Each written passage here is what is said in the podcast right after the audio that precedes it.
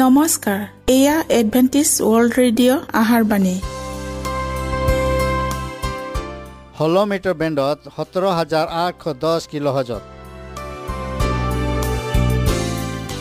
Adventist world radio যোগে অসমীয়া ভাষাত প্ৰচাৰিত আহাৰ বাণী প্ৰত্যেক বুধবাৰ আৰু দেওবাৰ সন্ধিয়া সাত বজাত আহাৰ বাণী শুনাৰ পিছত আপোনালোকৰ কিবা মন্তব্য আৰু প্ৰশ্ন থাকিলে আমালৈ এই ঠিকনাত লিখক। আমাৰ ঠিকনাটি হৈছে Adventist world radio' seven day Adventist মণ্ডলী অসম শাখা লতাকাটা বশিষ্ট গুৱাহাটী সাত আঠ এক শূন্য দুই ন।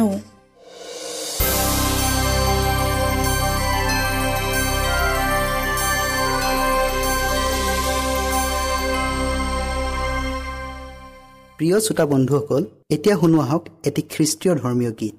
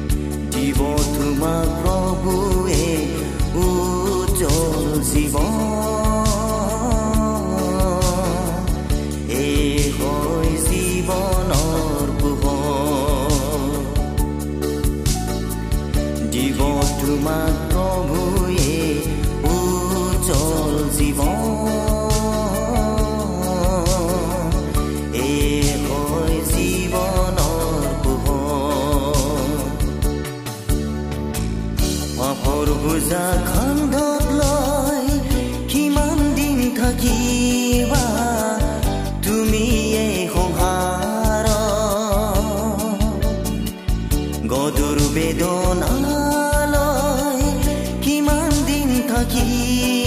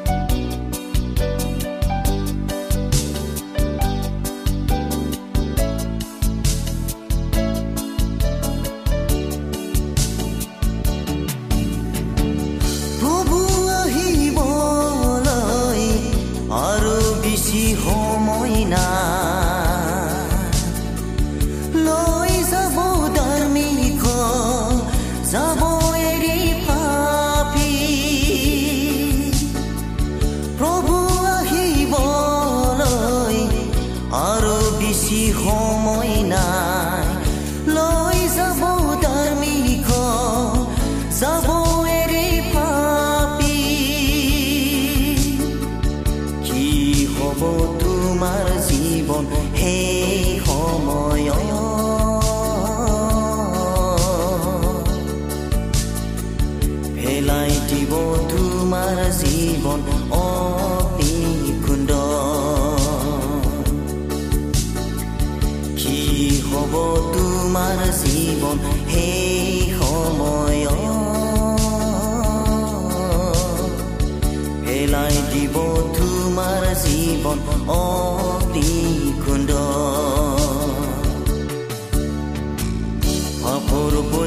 খুন্দত লৈ কিমান দিন থাকিবা তুমি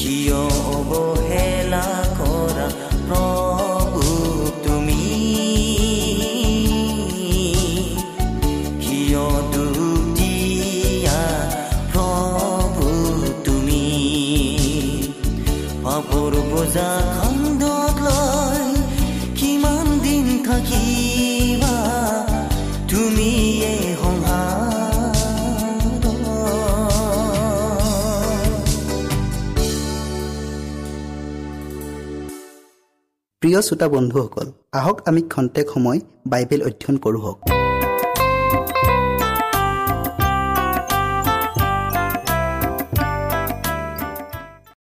আজি আমি ধৰ্মশাস্ত্ৰই হৈছে আমাৰ ৰক্ষক ইয়াৰ বিষয়ে আমি আলোচনা কৰোঁ হওক। বাইবেল পত্তি লোৱা হৈছে ইপিচিয়া ছয় অধ্যায়ৰ এঘাৰ পদ। ছয়তানৰ নানাবিধ কুকল্পনাৰ সন্মুখত তীৰে থাকিবলৈ সমৰ্থ হ'বৰ কাৰণে ঈশ্বৰৰ আটাই সাজ পিন্ধা আমি প্ৰাৰ্থনা কৰোঁ হওক। সেই প্ৰেমাময় আৰু আশীৰ্বাদাতা পিতা তোমাৰ চৰণত আকৌ পৰিছোঁ। প্ৰভু এই সুন্দৰ সময় দিয়াৰ বাবে তোমাক ধন্যবাদ দিছোঁ। আজি যি বিশেষ সময়ৰ বাবে আগবঢ়াইছোঁ প্ৰভু এই সময়ত তুমি আমাৰ লগত থাকিবা। আৰু বিশেষ প্ৰয়োজনীয় পবিত্ৰ আত্মা সকলোৰে লগত থাকিবলৈ দিয়া যীশুৰ নামত আমেন।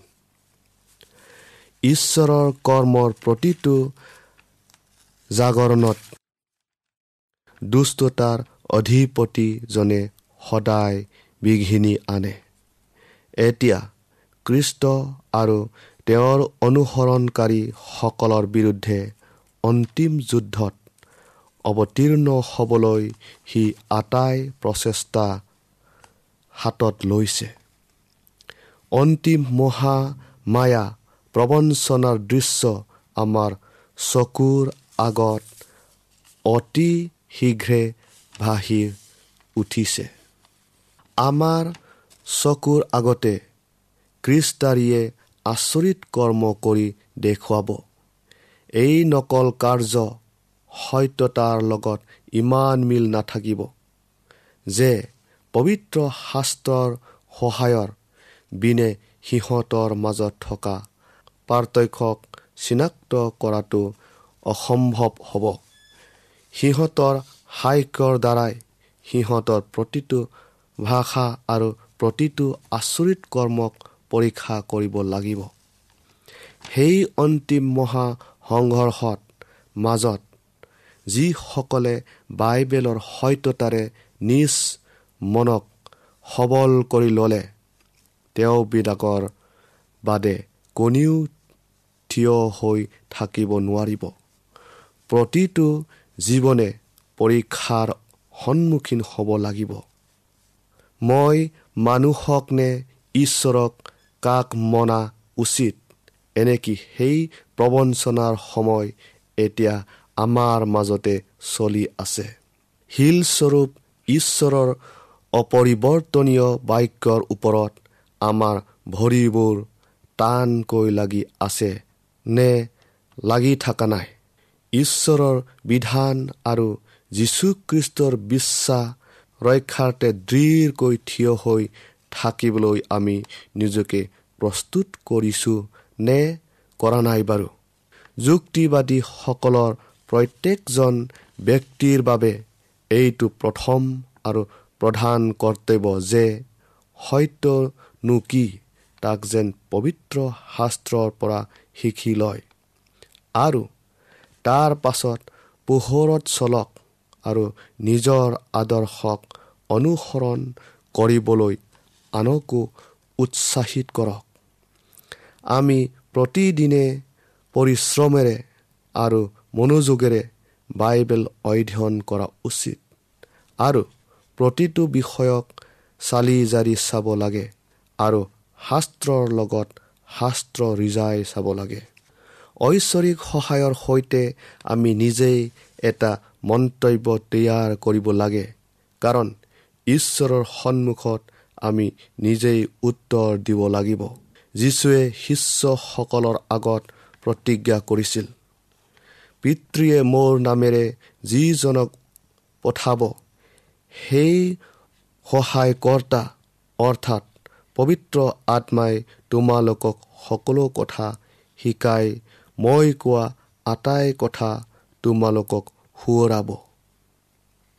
কিন্তু খ্ৰীষ্টাৰ শিক্ষাক আমি আগতেই মনত ৰাখি থ'ব লাগিব যাতে সৰ্বনাশৰ সময়ত ঈশ্বৰৰ আত্মাই সেইবোৰক বিষয়ে আপোনাক সোঁৱৰাই দিব পাৰে। প্ৰিয়সকল যেতিয়া সেই পৰীক্ষাৰ সময় আহিব যিবিলাকে ঈশ্বৰৰ বাক্যকে সিহঁতৰ জীৱনৰ নীতি কৰি ল'লে সিহঁত প্ৰকাশিত হ'ব। তাৰণা অহাৰ লগে লগে অৰ্ধ খ্ৰীষ্টানসকল আৰু কটু সমালোচনা প্ৰিয়সকল লুটি বাগৰ দিব আৰু সিহঁতৰ বিশ্বাসক ত্যাগ কৰিব। কিন্তু প্ৰকৃত খ্ৰীষ্টানসকলে শিলৰ দৰে দৃঢ় হৈ থিয় দি থাকিব আৰু ভাল দিনতকৈ এনে দুৰ্দশাৰ দিনতহে সিহঁতৰ বিশ্বাস আৰু অধিক শক্তিশালী হ'ব আৰু সিহঁতৰ আশা অধিক উজ্জ্বল হ'ব। ইব্ৰী এক অধ্যায়ৰ চৈধ্য পদটো আমি আকোবাৰ পঢ়োঁ হওক। সেয়ে সকলো দূত পৰিত্ৰাণৰ অধিকাৰী হ'বলৈ উদ্যত হোৱাবিলাকৰ পৰিচৰ্যাৰ অৰ্থে পঠোৱা সেৱা শুশ্ৰূষকাৰী আত্মা নহয় জানো? যিমান দিনলৈকে ঈশ্বৰৰ মানুহে তেওঁৰ ওপৰত বিশ্বাস কৰি চলিব। তেতিয়ালৈকে মানুহে যীচুক বিশ্বাস কৰি তেওঁৰ লগত সাঙুৰ খাই থাকিব। আৰু স্বৰ্গীয় দূতসকলে তেওঁলোকক নিৰাপত্তা প্ৰদান কৰিব আৰু সিহঁতক ধ্বংস কৰিবলৈ ছয়তানে নিজৰ নাৰকী কলা কৌশল সিহঁতৰ ওপৰত ব্যৱহাৰ তাক অনুমতি দিয়া নহ'ব। কিন্তু পাপ কৰাৰ দ্বাৰাই যিবিলাকে কৃষ্টৰ পৰা নিজকে পৃথক কৰি লয় তেওঁবিলাক মহাসংকটৰ সন্মুখীন হ'ব। বৰ্তমান ছয়তানে অতি ব্যস্ততাৰে আৰু অতি সক্ৰিয়তাৰে মানুহৰ জীৱনক লৈ খেলা কৰিছে। যাক সি পূৰ্বতে কেতিয়াও কৰা নাছিল। আৰু প্ৰতিক্ষণতে নিজক ৰক্ষণাবেক্ষণ নকৰিলে সি আমাৰ হৃদয়ত তিতাপি ল'ব আৰু গৰ্ব স্বাৰ্থপৰতা জগতৰ প্ৰতি মোহ আৰু তেনেধৰণৰ আন বহুতো অসৎ গুণেৰে আমাৰ হৃদয় ভৰাই পেলাব।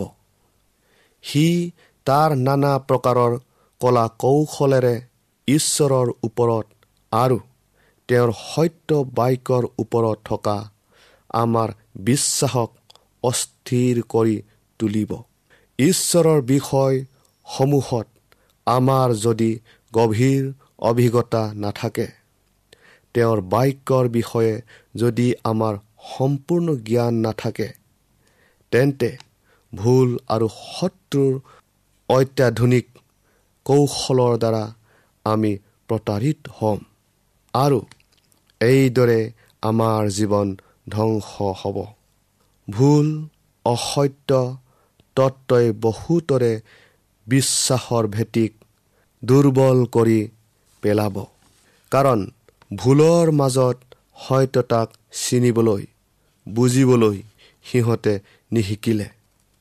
ছয়তানৰ বৰ্বৰতাৰ পৰা নিজকে ৰক্ষা কৰাৰ একমাত্ৰ পথ হৈছে মনোযোগিতাৰে শাস্ত্ৰ বাক্য অধ্যয়ন কৰা।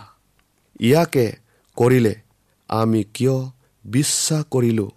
তাৰ কাৰণৰ বিষয়ে আমাৰ বুদ্ধিদীপ্ত জ্ঞান থাকিব আৰু নিজ কৰ্তব্যক বিশ্বস্ততাৰে পালন কৰিব পাৰিম। পাপতে যদি কোনোবা লিপ্ত থাকে তেন্তে সেই পাপে তেওঁক দুৰ্বল কৰি পেলাব আৰু তেওঁৰ জীৱন অন্ধকাৰময় কৰি তুলিব। আৰু এক ভয়ানক প্ৰলোভনৰ সন্মুখীন কৰাব। যীশুখ্ৰীষ্ট সোমাবলৈ আমি আমাৰ হৃদয়ৰ দুৱাৰ খুলি দিছোনে বাৰু? আৰু আটাই চল চাতুৰিৰে সোমাবলৈ চেষ্টা কৰা ছয়তানক। সোমাব নোৱাৰাকৈ বন্ধ ৰাখিছেনে বাৰু? কৃষ্টৰ ধাৰ্মিকতাত থিয় দি থাকিব পৰাকৈ আমি সদায় স্পষ্ট পোহৰৰ আৰু অধিক শক্তি নিতেও আহৰণ কৰিছেনে বাৰু? আটাই স্বাৰ্থপৰতা আৰু অসুচিতাৰে পৰিপূৰ্ণ হৃদয়খন খালী কৰি তাক পৰিষ্কাৰ কৰি স্বৰ্গৰ পৰা শেহতীয়া বৰষুণ গ্ৰহণ কৰিবলৈ আমি প্ৰস্তুত কৰিছোঁনে বাৰু? প্ৰিয় শ্ৰোতাসকল বিজয় যাত্ৰা অব্যাহত ৰখাটো এটা মহৎ আৰু ডাঙৰ কাম। সকলো শক্তিৰে আৰু নেৰা নেপেৰা চেষ্টাৰে আমি এই বিজয় যাত্ৰাক অব্যাহত ৰাখিব পাৰোঁ। ইয়াক নকৰা পৰ্যন্ত আমাৰ পাপেৰে কুলসিত বস্ত্ৰক আমাৰ পৰা সুলকাই নিয়া নহ'ব। এই বস্ত্ৰক আমাৰ পৰা বলপূৰ্বকভাৱে ফালি চিৰি সুলকাই নিব বুলি আমি কেতিয়াও আশা কৰা অনুচিত। প্ৰিয় শ্ৰোতা বন্ধুসকল ইয়াৰ পৰা মুক্তি পোৱাৰ এক প্ৰবল ইচ্ছাক আমি প্ৰকাশ কৰিব লাগিব। পাপৰ পৰা পৃথক হোৱাৰ এক ইচ্ছা আমাৰ থাকিবই লাগিব। কৃষ্টৰ তেজৰ শক্তিৰ ওপৰত ভৰসা থাকিব লাগিব আৰু তাৰ পাছত সংঘৰ্ষৰ দিনত যেতিয়া ছয়তানে আমাৰ ওপৰত হেঁচা দিব তেতিয়া স্বৰ্গৰ দূতগণৰ লগত একেলগে যাত্ৰা কৰিব পাম। ঈশ্বৰে আপোনালোকক আশীৰ্বাদ কৰক।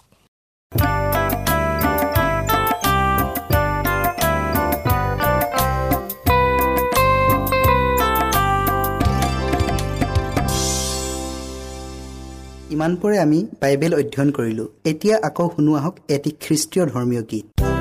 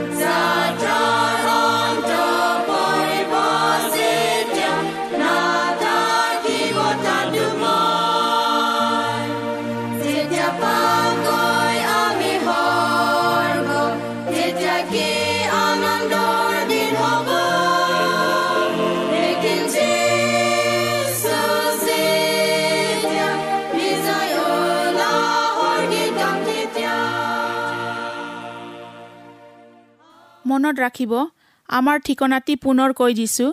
Adventist world radio' Assam region of seven day Adventist voice of hope Lotakata Basistha Guwahati seven eight one zero' two nine প্ৰিয় শ্ৰোতা বন্ধুসকল এডভেণ্টিজ ৱৰ্ল্ড ৰেডিঅ' যোগে আহাৰবাণী প্ৰচাৰত আপোনালোকক পুনৰ লগ পোৱাৰ আহাৰে আজিলৈ সামৰিলোঁ।